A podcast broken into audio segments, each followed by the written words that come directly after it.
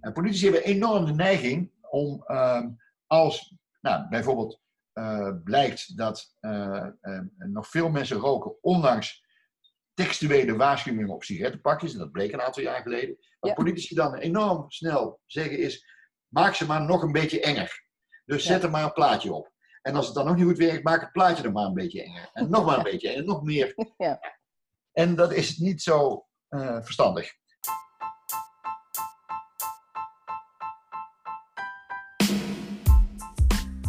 Welkom bij Getting Comfy With, de podcast voor en over communicatiemensen.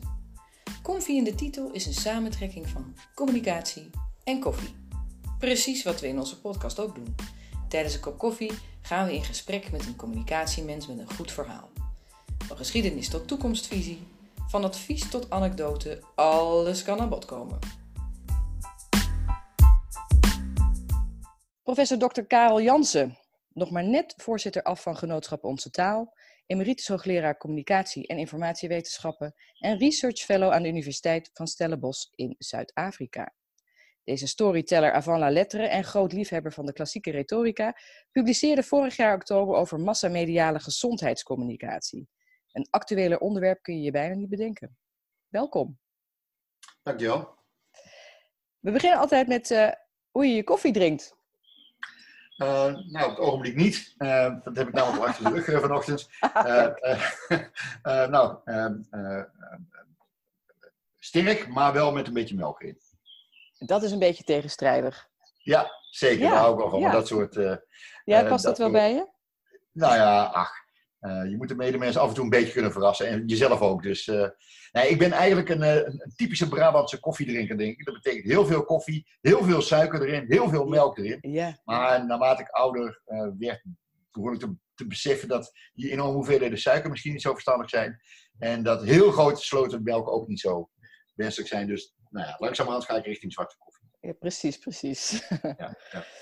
Ehm, we hadden het net even off the record al over gezondheidscommunicatie. Dat is waar jij je vooral ook in begeeft, hè? Uh, wat is dat eigenlijk?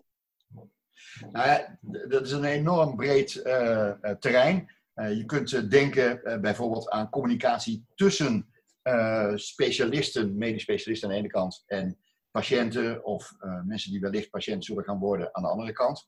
Eh, denk aan, nou, er is veel onderzoek aan gedaan, ook in Nederland, aan gesprekken tussen artsen, huisartsen en patiënten. maar je kunt ook denken aan communicatie tussen medisch specialisten onderling. Zo wordt er in Groningen heel mooi onderzoek gedaan door een collega van communicatie en informatiewetenschap aan de ene kant en een chirurg aan de andere kant van het academisch ziekenhuis naar de interactie op het moment dat een chirurg echt aan het opereren is, tussen die chirurg en de uh, aankomende chirurgen om hem heen, of om haar heen. nou, dat doe ik allemaal niet. dat is erg interessante deelterreinen zijn dat van gezondheidscommunicatie. Ik hou me bezig met communicatie tussen gezondheidsorganisaties aan de ene kant en het grote publiek aan de andere kant. Oké. En wat voor organisaties moet ik dan aan denken? Nou, eh, eh, eh, ministeries bijvoorbeeld, maar ook NGO's, zoals die in Zuid-Afrika mhm. actief zijn. je kunt ook denken aan tabaksfabrikanten die gedwongen zijn door de Nederlandse overheid en ook door andere overheden in andere landen natuurlijk, om waarschuwingen op sigarettenpakjes te, te zetten. Ja. nou, dat, dat en ik concentreer me eigenlijk op boodschappen die, eh, eh, en dan drie typen boodschappen vooral, die door dat soort organisaties gebruikt worden om mensen te informeren over risico's die ze zouden kunnen lopen als ze hun gedrag op een bepaalde manier invullen. Oké, en, en welke drie soorten zijn er dan? Uh, nou, een van die soorten is wat in het Nederlands heet angstaanjagende boodschappen. Fear appeals uh, is de internationaal uh, gebruikte naam. Ja. Uh, bijvoorbeeld op sigarettenpakjes. Mm. maar ook in allerlei andere contexten worden ze gebruikt. ik hou me bezig met wat wordt genoemd cryptische boodschappen. Dus boodschappen die met opzet een beetje lastig te begrijpen zijn gemaakt om de nieuwsgierigheid te prikkelen van degene die de boodschap ontvangt. Vanuit het idee, oh, dan, gaan ze, dan valt hij tenminste op en dat is een noodzakelijke voorwaarde voor wat voor effect dat hij verder wil bereiken dan ook. Mhm. En ik hou me bezig met verhalen, dus stories, narratieven. die meer en meer worden ingezet in de gezondheidscommunicatie om nou, mensen te bereiken en ook nou, bepaalde effecten bij die mensen te bewerkstelligen. Want uh, wat onderzoek je dan precies wat het beste werkt? Of? Ja, nou, uh, het, het, is niet zo dat we, na, dat we ze in concurrentie met elkaar brengen, die drie soorten boodschappen. Okay. Maar voor elk van die soorten boodschappen kijken we wat de effecten zijn in bepaalde situaties. Het is eigenlijk nooit zo dat je van uh, een bepaald type boodschap kunt zeggen van nou, gebruik die maar, want die werkt altijd uitstekend. Nee, okay. Of gebruik die maar, want die heeft altijd die en die effecten. Nee, het gaat mhm. altijd om de vraag, wat voor kenmerken uh, van de boodschap in interactie met kenmerken van het publiek uh, leiden tot welke effecten. Okay. En uh, nou, dat is bij angstaanjagende boodschappen uit het rijtje van drie die ik net noemde, is de traditie, de onderzoekstraditie misschien wel het, het langst al. maar ook voor cryptische boodschappen weten we tegenwoordig wel het een en ander over de interactie, effecten van kenmerken van de boodschap en kenmerken van het publiek. En dat geldt ook voor die narratieven, voor die verhalen. Okay. En waar ik ook wel mee bezig ben uh, geweest de laatste tijd, is met combinaties van, uh, uh, met name dan angstaanjagende boodschappen aan de ene kant en verhalen aan de andere kant. Ja, dus ja. ja verhalen, angstaanjagende boodschappen in de vorm van een verhaal, zou je kunnen zeggen. Ja, ja, ja precies. En die cryptische, die, dat vind ik wel interessant, want hoe, hoe uitzicht dat? Wat is een cryptische omschrijving? Kun je een voorbeeld geven? Ja, ja. nou misschien heel eventjes de aanleiding voor mijn interesse. Uh, die, komt, uh, die heeft te maken met mijn werk in Zuid-Afrika. Daar kom ik sinds 1996. Okay. En daar werk ik ook, zoals je straks zei, aan de Universiteit van Stellenbosch. En in Zuid-Afrika is nog steeds een enorm probleem HIV en AIDS. Oh. Zuid-Afrika is een beetje het enige land op de wereld waar het aantal besmettingen niet terugloopt als het gaat om HIV. Okay. Ja. je ziet ook dat, nou, terwijl in Nederland het aantal besmettingen enorm is teruggedrongen, gelukkig natuurlijk. Uh, je ziet ook dat een heel bepaalde doelgroep van mensen het meest het grootste risico loopt. Dat zijn in Nederland homoseksuele mannen. Mhm. En dat geldt ook in heel andere landen. in Zuid-Afrika is het niet zo. In Zuid-Afrika zijn het juist heteroseksuele jonge vrouwen die de grootste risico's lopen. En natuurlijk dan ook de baby's die, yeah. dan geboren worden. En dat is natuurlijk een, een, een enorm probleem. Yeah. Eh, gelukkig is het niet meer zo dat uh, als je HIV-positief bent, dat je dan vanzelfsprekend binnen een paar jaar uh, zult overlijden. De, mm-hmm. Ook in Zuid-Afrika zijn natuurlijk nu medicijnen beschikbaar. Zij het dat de logistiek af en toe wel problematisch is. Mm. maar die zijn er wel. maar dan nog, die hebben natuurlijk ook allerlei vervelende bijwerkingen.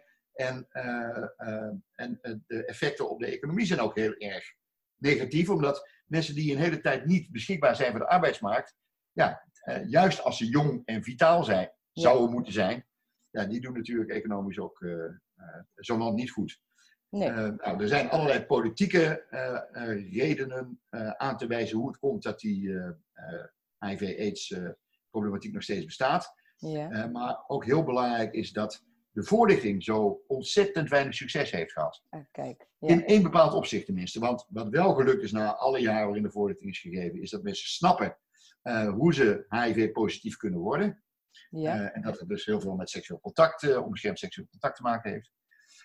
maar ehm, ehm, het is bijna niet gelukt om daar ook gedragsconsequenties aan te verbinden. En, dus, en dat is natuurlijk wel ja. noodzakelijk. Dat is wel wat je wil, ja. Als je weet dat het verstandig is om niet te roken, dan betekent dat nog niet dat je stopt met roken. Nee. Als je weet dat je beter geen melk in je koffie kunt doen, dan is het nog niet automatisch zo dat je voortaan zwarte koffie drinkt. Ja. Maar, en, en dat is allemaal nog tamelijk onschuldig zou je kunnen zeggen.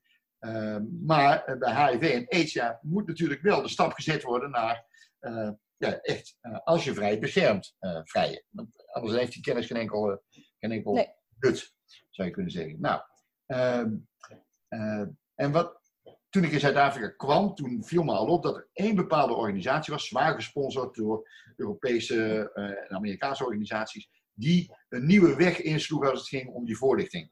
Dus de organisatie okay. heet Love Life. richt Ja. zich met name op jongeren tussen de 12 en de 17, 18 jaar. En eh, die merkten dat eh, eh, die kinderen, want dat zijn er natuurlijk, ontzettend verveeld raakten door boodschappen in de traditionele vorm.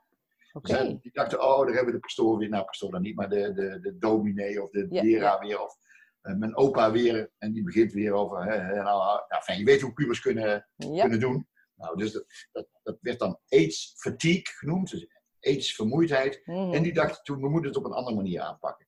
En die hebben toen hele cryptische boodschappen eh, gemaakt. Eh, raadselachtige boodschappen die ze op grote billboards all over the country eh, eh, zetten.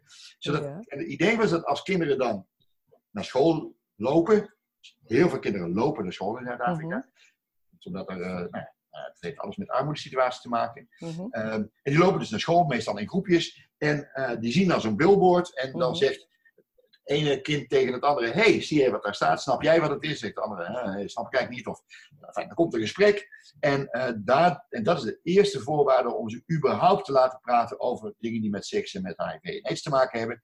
En dat zou dan de sleutel zijn om nou ja, eh, effectievere voorlichting te kunnen geven. Ja, ja. Ik vond het slim, bedacht, maar ik had meteen eh, daarbij de vraag van, werkt het ook echt zo? Ja. Nou, dat bleek niemand te weten. Dat bleek echt niemand te ah, weten. kijk. Ja, ja. We hebben onderzoek gaan doen eh, eh, en eh, daaruit bleek dat in ieder geval in de groep die wij konden onderzoeken, dat was schoolmeisjes in, in Limpopo, provincie in het noorden van Zuid-Afrika, Hm. dat het daar helemaal niet zo werkte. We vonden eigenlijk twee dingen. Dat die raadselachtige boodschappen, nou, die kinderen die, die, die, die, wilden helemaal niet praten over boodschappen die ze niet begrepen. Die wilden alleen praten over boodschappen die ze wel begrepen. Ja. Waarvan ze dachten dat ze iets met henzelf te maken hadden. Dus Ja. die ze echt op zichzelf konden betrekken. Nou, dat is een tamelijk logische eh, reactie zou je kunnen zeggen. En een vervolgonderzoek dat we gedaan hebben, hebben we mensen geconfronteerd met die cryptische boodschappen. Steeds in groepjes van twee, dus twee schoolmeisjes. Die moesten dan naar zo'n cryptische boodschap kijken. En we hadden van tevoren uitgezocht welke van die twee de boodschap wel snapte en welke van de twee de boodschap niet snapte. Ja, ja. Toen bleek dat in een, inderdaad in een aantal gevallen, na zo'n gesprek dat er dan was, het meisje dat de boodschap niet snapte, de boodschap wel snapte. Nou, geweldig. Maar wat ook bleek, was dat in meer gevallen, echt in meer gevallen, het meisje dat de boodschap eerst wel snapte, daarna de boodschap niet meer snapte. Oeh. Dus die was door het meisje dat het niet snapte, Ja, ja. Ja, ja. zo in de war gebracht. Dat, nou ja, dus vanaf dat moment ben ik echt geïnteresseerd geraakt in, nou, wat, wat doet die strategie nou eigenlijk? Ja. De strategie is echt geleend uit de commerciële communicatie. Uit, eh nou ja, in Nederland zie je ook wel dat er nou echt even stilstaan bij, hè, wat bedoelen ze nou eigenlijk? Nou, Ja, dat is bewust eh, zo gedaan. En het idee is dan dat als je het snapt, of denkt te snappen, dat je dan zo blij wordt met je eigen slimheid, eh, dat je ook blij Ah. wordt met de boodschap en dat je dus ook blij wordt met het product. En dat, daar is een mooi proefschrift over geschreven. En daaruit blijkt dat het ook tot op zekere hoogte wel zo werkt. Maar in die gezondheidscommunicatie, Ja. zover wij weten, werkt het dus helemaal niet zo. Nee. Maar eh, eh, ook niet een beetje in combinatie met die narratieven waar je het net over had. Dan weer Ja, dat misschien zou wel. kunnen, maar dat, dat zou kunnen. Dat zou kunnen, maar dat weet ik gewoon niet zeker genoeg. Dat zou Nee, kunnen. Nee. Dat zou kunnen. Maar ehm, ja, onze conclusie dat die schoolmeisjes toch vooral geïnteresseerd waren in boodschappen die ze snapten en die iets met henzelf te maken hadden, Ja. Ja, dat is toch wel een, een hele diepe waarheid waar je gewoon in de communicatie niet omheen eh, kunt, eh, denk ik. Nee, nee. Ja, en, en hoe je dat dan verpakt, je kunt het dan heel goed verpakken in de vorm van een verhaal. eh, Ja. Als je dat goed vertelt. Ja. En, dat En heb je ook dus cijfers gezien van wat dat in gedrag heeft gedaan dan uiteindelijk? Die cryptische boodschappen, Ja, of het aanpassen van die bo- boodschappen naar dat die meisjes het wel snappen en op Ja, zichzelf ja, ja, betrekken. ja, ja, daar hebben we natuurlijk onderzoek naar gedaan. En dan zie je, er is een mooi proefschrift verschenen van Elisabeth Lubinga, eh, eh, in- die in Zuid-Afrika werkt. En Fons Maas, hoogleraar in Tilburg, en ik eh, eh, waren de eh, begeleiders eh, daarvan. Dus heb ik samen Ja. artikelen geschreven. En die vind je heel makkelijk op, ook ga ik even reclame maken, www.kareljansen.nl. Ja, En dan kun je naar de publications kijken, international, en zoek op Lubinga. en, En dan hup, staat je ziet ze meteen. Ja. Ah, kijk eens. Hoe, kom, hoe kom je eigenlijk in Zuid-Afrika terecht? Ja, dat eh, heeft te maken met de apartheidstijd en, Ja. ehm, eh, en met het einde daarvan. Eh, toen, eh, tijdens de apartheid, is er in Nederland een culturele boycott, nou ja, tot de culturele boycott besloten van alles wat met Zuid-Afrika te maken had. Nou, daar, daar was ik het ook een roer mee eens trouwens, alle mogelijke misverstanden te voorkomen. Maar eh, toen nou, Mandela uit de gevangenis liep en een paar jaar later er een nieuwe grondwet was en Mandela president was geworden, toen besloot de Nederlandse regering, samen met de regering van Vlaanderen overigens, eh, dat de contacten weer moesten worden aangehaald met Zuid-Afrika. Dus die Mhm. culturele boycott werd natuurlijk opgeheven. En toen werd besloten dat eh, docenten in Zuid-Afrika, die daar aan de Universiteit Nederlands en Afrikaans geven, Mhm. dat die eh, nou ja, moesten worden geïnformeerd door collega's uit Nederland en Vlaanderen over nieuwe ontwikkelingen in het vakgebied. Dus toen mocht ik, uitgezonden door de Nederlandse Taalunie, samenwerkingsverband van Nederland en Vlaanderen, werd ik naar Zuid-Afrika gestuurd met, eh, met collega's. Ah, En oké. hebben we daar dus eh, cursussen gegeven. En Ja, ja, toen bleek inderdaad wel dat, nou ja, dat er een soort kennisachterstand was eh, bij de Zuid-Afrikaanse collega's door de culturele boycotts. Internet was toen nog veel minder prominent dan nu. Dus dat als je zo ver weg zat, ja, dan miste je gewoon een heleboel. Maar tegelijkertijd bleek dat wij ontzettend veel konden leren als het ging om interculturele communicatie van de collega's in Zuid-Afrika. Ja, ja, ja. Nou, die vroegen toen of ik terug wilde komen. En nou, nou, ze hadden de vraag nog niet gesteld of ik had al ja gezegd. Dus Mhm. toen eh, ben ik, sindsdien ben ik eigenlijk twee keer per jaar was een beetje in Zuid-Afrika eh, aan het werk Ja. geweest. Want je bent nog verbonden aan de universiteit daar in Stellenbosch. Ja, Stellenbosch werk ik nog. Ja, Ja, ja, zeker. En dat blijft ook eh, zo nog een tijdje. Oké, goed zeg. En ehm, als je nou kijkt in de toekomst, eh, wat, wat wil je dan nog bereiken op dit vlak? Op het gebied van de gezondheidscommunicatie. Ja, Nou, ik, eh, wat ik zou willen is dat we. Nou, laten we beginnen met de cryptische boodschap. Is dat dat stopt. Hm. Eh, en dat is ook wel zo'n beetje zo, eerlijk gezegd hoor. Dat komt een beetje door ons onderzoek. Maar vooral omdat eh, eh, Love Life, zwaar gesponsord dus door allerlei organisaties, na een aantal jaren dit, dit en andere dingen gedaan te hebben, niet kon laten zien dat het in Zuid-Afrika beter gaat met HIV en AIDS eh, Ja. eh, bestrijding. En dat hadden ze beloofd. Dus toen hebben die een rare belofte was, denk ik. Want er Ja, zijn inderdaad. andere factoren die van invloed zijn. Maar goed, dus er is minder geld gekomen. Dus ik denk dat dat wel, nou, dat het enthousiasme over cryptische boodschappen wel eh, flink teruggelopen is. ja, ja. Angstaanjagende boodschappen, daar is nog te weinig over bekend, denk ik. Niet zozeer in onderzoek, want we weten al ongeveer hoe het werkt, maar bij politici. En politici hebben enorm de neiging om, ehm, als nou, bijvoorbeeld eh, blijkt dat eh, eh, nog veel mensen roken, ondanks textuele waarschuwingen op sigarettenpakjes, en dat bleek een aantal jaar geleden, wat Ja. politici dan enorm snel zeggen is, maak ze maar nog een beetje enger. Dus zet er maar een plaatje op. En als het dan nog niet goed werkt, maak het plaatje dan maar een beetje enger. En nog maar een beetje en nog meer. Ja. En dat is niet zo eh, verstandig. Eh, want uit onderzoek weten we dat aan allerlei andere factoren ligt wat de effecten zijn. En Mhm. eh, ik heb wel eens met politici erover gepraat die dan echt naar Groningen kwamen en omdat ze wilden weten hoe het zat. Ja. En we uitgelegd en vervolgens zeiden ze ja, maar dat kunnen we in de Kamer niet gebruiken. Want daar, wilden, Oh. ja, daar willen ze toch echt dat eh, wij eh, eh, zeggen, was iemand van de VVD, ik weet het echt nooit meer. Een hele aardige, open man, overigens, lid van de Tweede Kamer. Die Ja. zei, ja, die zei, kijk, nou, fijn dat ik het nou weet, zei hij, maar hij zei, op het moment dat ik ga zeggen dat het niet zo zinvol is om die plaatjes nog Ja. enger te maken, dan krijg ik gegarandeerd te horen van andere partijen dat dat natuurlijk komt omdat wij goede vriendjes zijn met de tabaksindustrie en dat wij Ja. daarom. hij zei dus, het is politiek zo geladen, dit onderwerp, Hm. dat je eigenlijk bijna geen kans hebt eh, eh, eh, om eh, ja, de onderzoeksresultaten echt heel serieus te laten nemen in die Ja, context. ja, Ik denk dat hij daar gelijk in eh, eh, had. Ja, eh, genoeg. Nou ja, dus dat, dat, dat, eh, dat, dat moeten we denk ik als onderzoekers wel altijd beseffen. Dat hoe goed we dingen ook uitzoeken, dat niet automatisch betekent dat iedereen zich dan ook Nee, eh, precies. er iets van aantrekt. Eh, Ja, ook ja. mensen die heel welwillend zijn. En waar, we echt, waar ik echt nu eh, eh, eh, iets meer nog aan wil doen, en ik ben al volop bezig nu meer met collega's in Zuid-Afrika, is onderzoek doen naar verhalen. Dus naar die narratieve communicatie.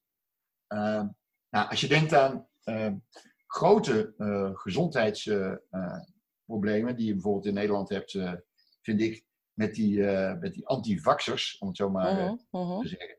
Want die antivaxers klinkt niet neutraal genoeg, maar ik heb er echt een beetje moeite mee. Want eh, met het fenomeen van antivaxer, omdat nou, we weten allemaal dat wanneer een bepaald percentage niet gehaald wordt, eh, eh, iedereen ineens kwetsbaar is Ja, geworden. dus ik, ik gun iedereen natuurlijk van harte zijn eigen opinie en zijn eigen standpunten. Maar als die erin uitmonden dat er een groot gevaar voor de volksgezondheid ontstaat, omdat mensen niet echt goed voorgelicht zijn Ja, of zich ja. niet genoeg aantrekken van de kennis die ze intussen hebben, ja, dan begin ik wel eh, eh, nerveus te worden. Ja. En nou, wat je ziet is dat eh, die, in die antivax communicatie verhalen een enorme rol spelen. Vooral sinds social media groot zijn geworden.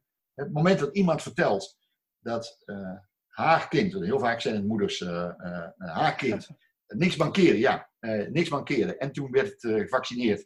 En nu is die ineens autistisch. Mhm, mhm. Ja, eh, het moment dat zo'n verhaal verteld wordt en dat mensen denken, oh jee, oh jee, dus vaccinatie leidt tot autisme, Juist, ja. dan heb je dus een groot probleem. En Ja. RIVM heeft in de tijd daar in eerste instantie op gereageerd door de feiten tegenover te stellen.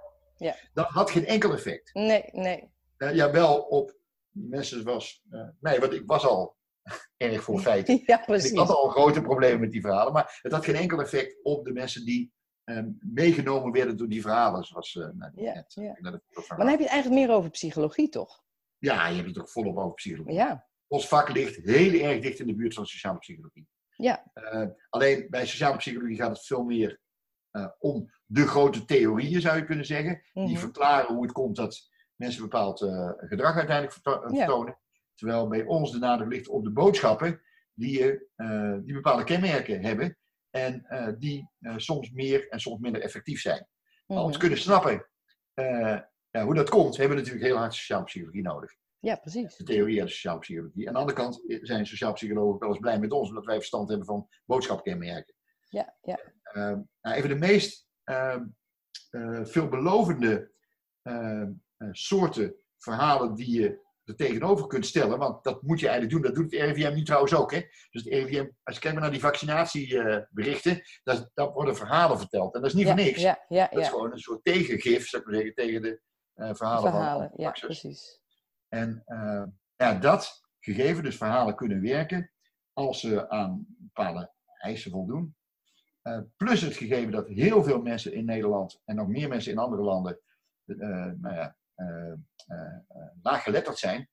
Eh, Ja. Dat heeft ons ertoe gebracht om meer onderzoek te doen naar de mogelijkheden van wat dan heet eh, fotoverhalen. Dus Ja. eh, eh, van die eh, boekjes eh, die ik alleen nog maar nou, uit mijn puberteit kende nog, toen ze nog bestonden. En ik weet nog wel, ik reisde toen wel eens eh, met de trein naar, eh, naar, naar Breda bijvoorbeeld, een half uurtje vanaf Tilburg. En dan kocht ik in het stationswinkeltje zo'n boekje met een eh, spannende voorkant. En dan een verhaal. En dat verhaal bestond dan uit foto's met van die kleine tekstballonnetjes eh Ja, en ja. geplakte woordjes eh, erbij. Nou, dat had ik ruim uit voor ik in Breda was. Dus dan, eh, dat waren dan van die, ja, van die, van die, van die, van, van die liefdesromannetjes, zou ik maar zeggen. Die, beetje zoetige, zoetige dingen. Die, die Ja, zijn Want dat vond je toen leuk. ja, ja, die zijn verdwenen op een gegeven ogenblik. Maar nu zijn ze weer volop terug aan het komen Mm. in de gezondheidscommunicatie. Ja, in een andere vorm, ja, precies. In een andere vorm. En nou, we hebben bijvoorbeeld in Nederland onderzoek gedaan met een verhaal dat heette, heet Zoete Verleiding. Dan zie je op de voorkant zie je een beetje zwoel, zwoel paar zie je staan, man en een vrouw. En, een, en achter een raam zie je dan een enorm opgewonden, boos kijkende andere man. En zoete verleiding, nou ja, als je die kaft ziet, dan denk je, oh, dit gaat over jaloezie en liefde en misschien Ja, iets ja. van seks en zo. Allemaal thema's waar mensen graag iets over lezen. Universeel, kan ik je wel Ja, eh, ja, ja, ja, oké. eh, maar dat verhaal, dat is een, een, een knap in elkaar gezet verhaal. Dat komt eigenlijk uit Amerika. Dat hebben we mogen vertalen en in Nederland mogen uitproberen. Het heeft eh, verschillende lagen. En waar het uiteindelijk om gaat, is diabetes. Oh ja, Eh, want het is ook Oké. zoete, zoete verleiding. Dus vandaar Ja. ook te veel zoet eten. En eh, er zijn twee hoofdpersonen in het verhaal. Een te zware man van nou, ongeveer mijn leeftijd. Duidelijk een heel stuk te zwaar. En zijn zoon, die ook te zwaar aan het worden is. En die oude man, oude man die krijgt op een gegeven moment een hartaanval. En die jonge man, die zijn vriendin loopt weg. En enfin, vandaar ook die scène op de voorkant van, dat, ja, eh, ja. van het boekje. En uiteindelijk loopt het allemaal goed af. En dan komen ze bij een goede arts en een goede apotheker terecht. En dan gaan ze toch hun leven een beetje aanpassen. ja, ja, ja. Dat werkt echt beter, want we hebben het gewoon vergeleken dan een goed geschreven normale voorlichtingsvorm. Ja, ja. En het leuke was, het werkte niet alleen, eh, hoe het werkte was niet eh, afhankelijk van het opleidingsniveau van de lezers. Dus ook bij lezers met een hoger opleidingsniveau, die gewoon Oh, ja. geletterd zijn, werkte Ja. dat fotoverhaal prima. Oh, kijk eens aan. Het is toch eigenlijk grappig dat je hier dan op die voorkant wel weer een, soort cryptische toestand krijgt. Ja, zeker. Feitelijk. Leuk. Klopt. Precies Ja. wat je zegt. klopt. Nou, en we zijn ook hier in Zuid-Afrika zijn we ook bezig met uh, fotoverhalen. En ook een promovendus van mij in uh, Stellenbosch, uh, Bert Davis, die heeft onderzoek gedaan naar fotoverhalen die hij helemaal zelf gemaakt heeft met behulp van allerlei experts, acteurs ingehuurd. Acteurs allemaal met kleur, hè, want dat moet echt in Zuid-Afrika, want ja, een groot deel van de doelgroep is met kleur. En als je dan alleen maar blanke acteurs gebruikt, heb je een enorme toestand al meteen. Dus nou, en, en, in het Afrikaans geschreven, maar dan op een flink dialect gebruiken, wat past bij de, bij de doelgroep. En dat verhaal, dat heet, dan zie je een, een, enorm verschrikt kijkend jongen en een meisje op de voorkant. En dat verhaal heet Spijt komt te laat. Uh, dus nou ja, spijt komt te laat. Uh, dus uh, berouw komt naar de zon, zeg je in Nederland. Ja, ja, ja. Ah, en, en, en, dat gaat dan over TIC, dus over crystal meth. oh ja. wat een gigaprobleem is. Oké.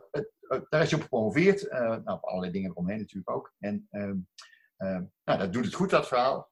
En hij heeft ook subsidie gekregen om nou weer aan een nieuw verhaal te gaan, gaan werken. Nou, daar zijn we ook met z'n tweeën nu mee bezig. en doet het goed, moet je dan niet begrijpen als sinds dat verhaal bestaat, wordt er geen tik meer gebruikt in Zuid-Afrika. Nee, nee, nee. nee. Dat is helemaal niet. Zo werkt het niet. Maar het doet het in ieder geval uh, aantoonbaar beter uh, dan de klassieke manier van voorlichten. Ja, ja, ja, precies. En dat alleen al maakt dat we blij zijn dat we gewoon een klein stapje uh, in de goede richting hebben kunnen zetten. Ja, ja snap ik, snap ik.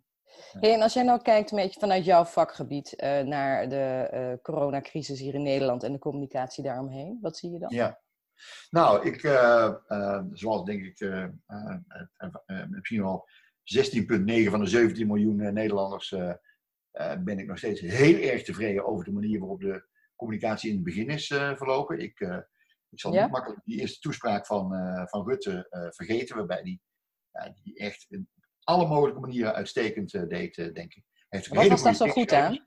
Nou, uh, één ding kan ik me vooral herinneren. Dat was dat hij zei, we moeten met de helft van de kennis 100% van de beslissingen nemen. Dat ja. was zo verstandig. Ja. want dat, um, nou, het was volgens mij eerlijk. Al is die 50% mhm. misschien wel een overschatting geweest achteraf.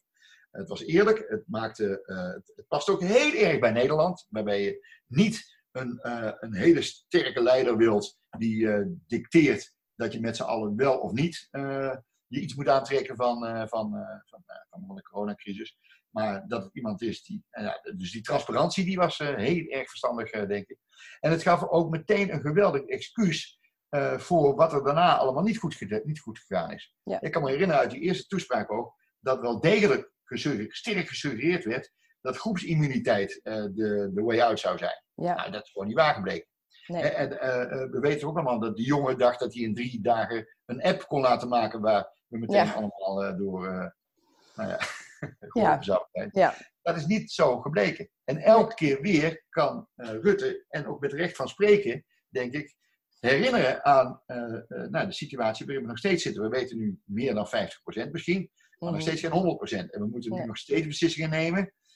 Ja, die, hè, ik heb ze niet dus niet, maar er moeten nog steeds beslissingen genomen worden, uh, ja, die 100% consequenties hebben. Ja. dus als je tegen mensen zegt, ja, uh, uh, de terrassen moeten weer dicht, of, of, of, er mag niet meer gevlogen worden, ja, dan heeft dat natuurlijk enorme consequenties. Ja, ja.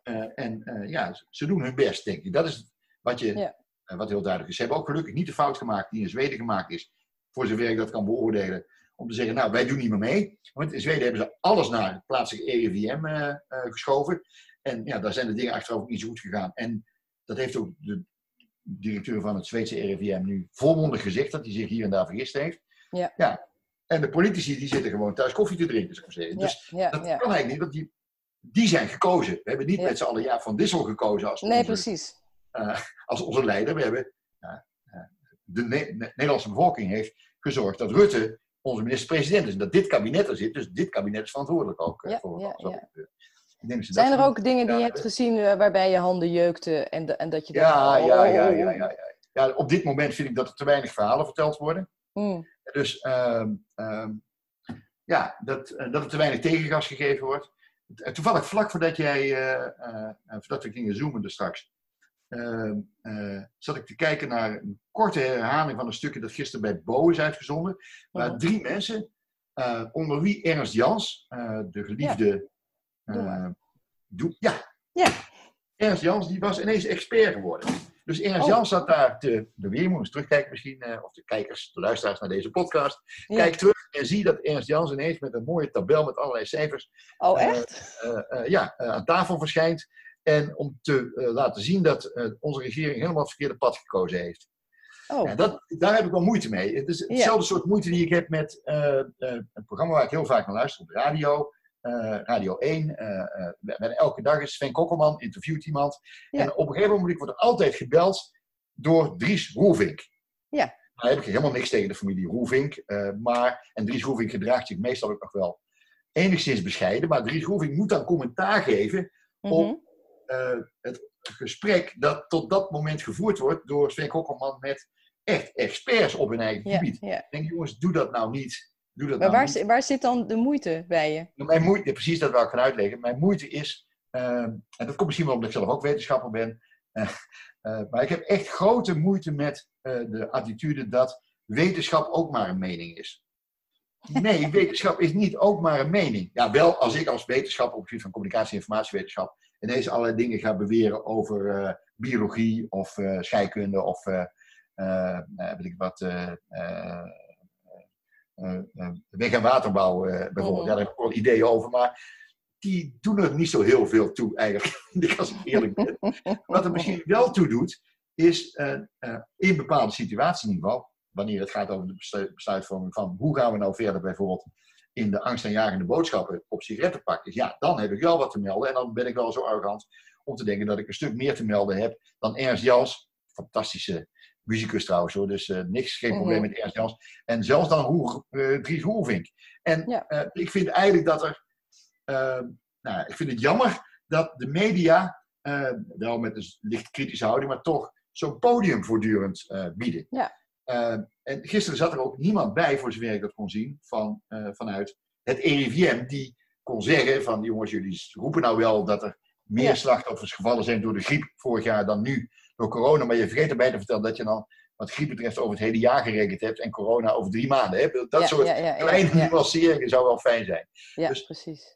Maar goed, we leven in een vrij land en eh, dan mag iedereen roepen wat hij, wat hij wil. Maar nou, dat, dat vind ik dan wel spijtig. Dat, Ja. Nou, dat het idee soms bestaat dat wetenschap ook maar een mening is. Nou, dat, dat, dat Ja, is ja. gevaarlijk, vind ik. Ja, maar maar jij gaat ervan uit dat wetenschap de enige waarheid is. Dat snap Nee, nee, nee, nee, nee, nee, nee, nee. Maar ik vind wel dat als er wetenschappelijke kennis beschikbaar is, dat je die Mhm. misschien iets serieuzer moet nemen dan een impulsieve, emotionele reactie Ja, ja. eh, die door eh, een niet-wetenschapper op Ja. dat gebied eh, naar voren wordt gebracht. Kijk, ik heb ook wel emotionele reacties misschien op het moment dat er iets gebeurt in, weet ik het wat, de weg- en waterbouw in Nederland, wat mij niet zo bevalt.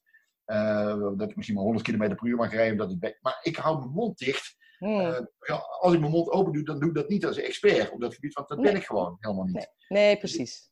Ik vind het wel fijn dat we nou ja, experts aan het, woord laten, aan het woord laten op het moment dat er echt expertise gevraagd wordt. precies. En ik zou heel fijn vinden als nog eens een keer, eh, als misschien nog nadrukkelijker dan nu gebeurt, vanuit het RIVM, vanuit het ministerie, vanuit allerlei andere organisaties gedacht wordt aan verhalen om tegengas te bieden tegen eh, de nu begrijpelijke neiging die ik overal omheen eh, zie. Zeker in Groningen, waar bijna corona niet Ja, bestaat op het ogenblik. Ja, ja.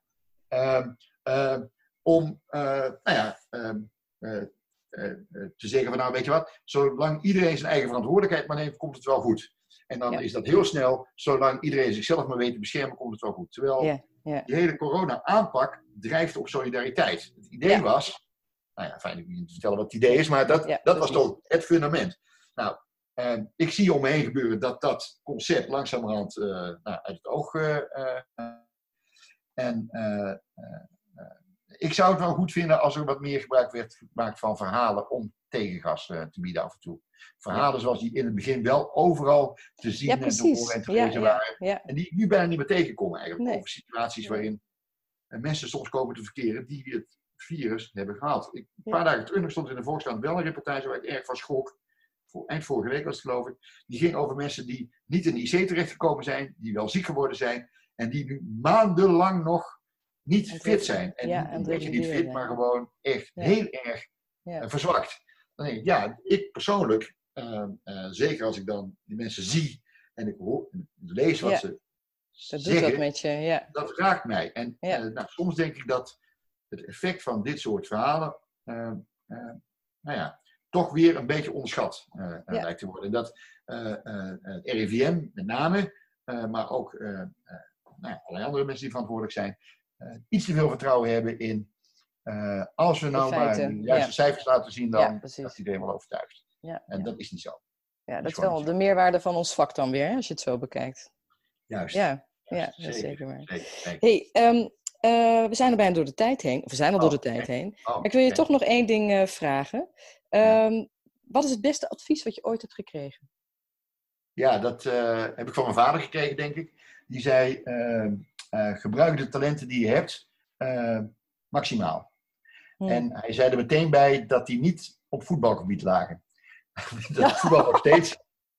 Maar dat, zou je wel, dat had je wel het liefste willen doen. Oh, heerlijk. had ik Voetballen, ja? Ik heb een tijdje in de jeugd van Willem II gespeeld. Ja. eh, maar ik was helaas by far niet goed genoeg voor een jeugdcontract. Dat heb ik toen Mm. zeer betreurd. maar ook geaccepteerd.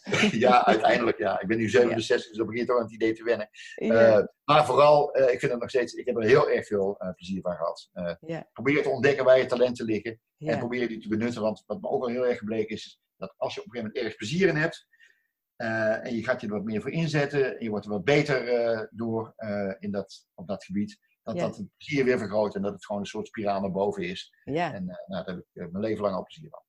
mooi. Dankjewel. Graag gedaan. Goed verhaal.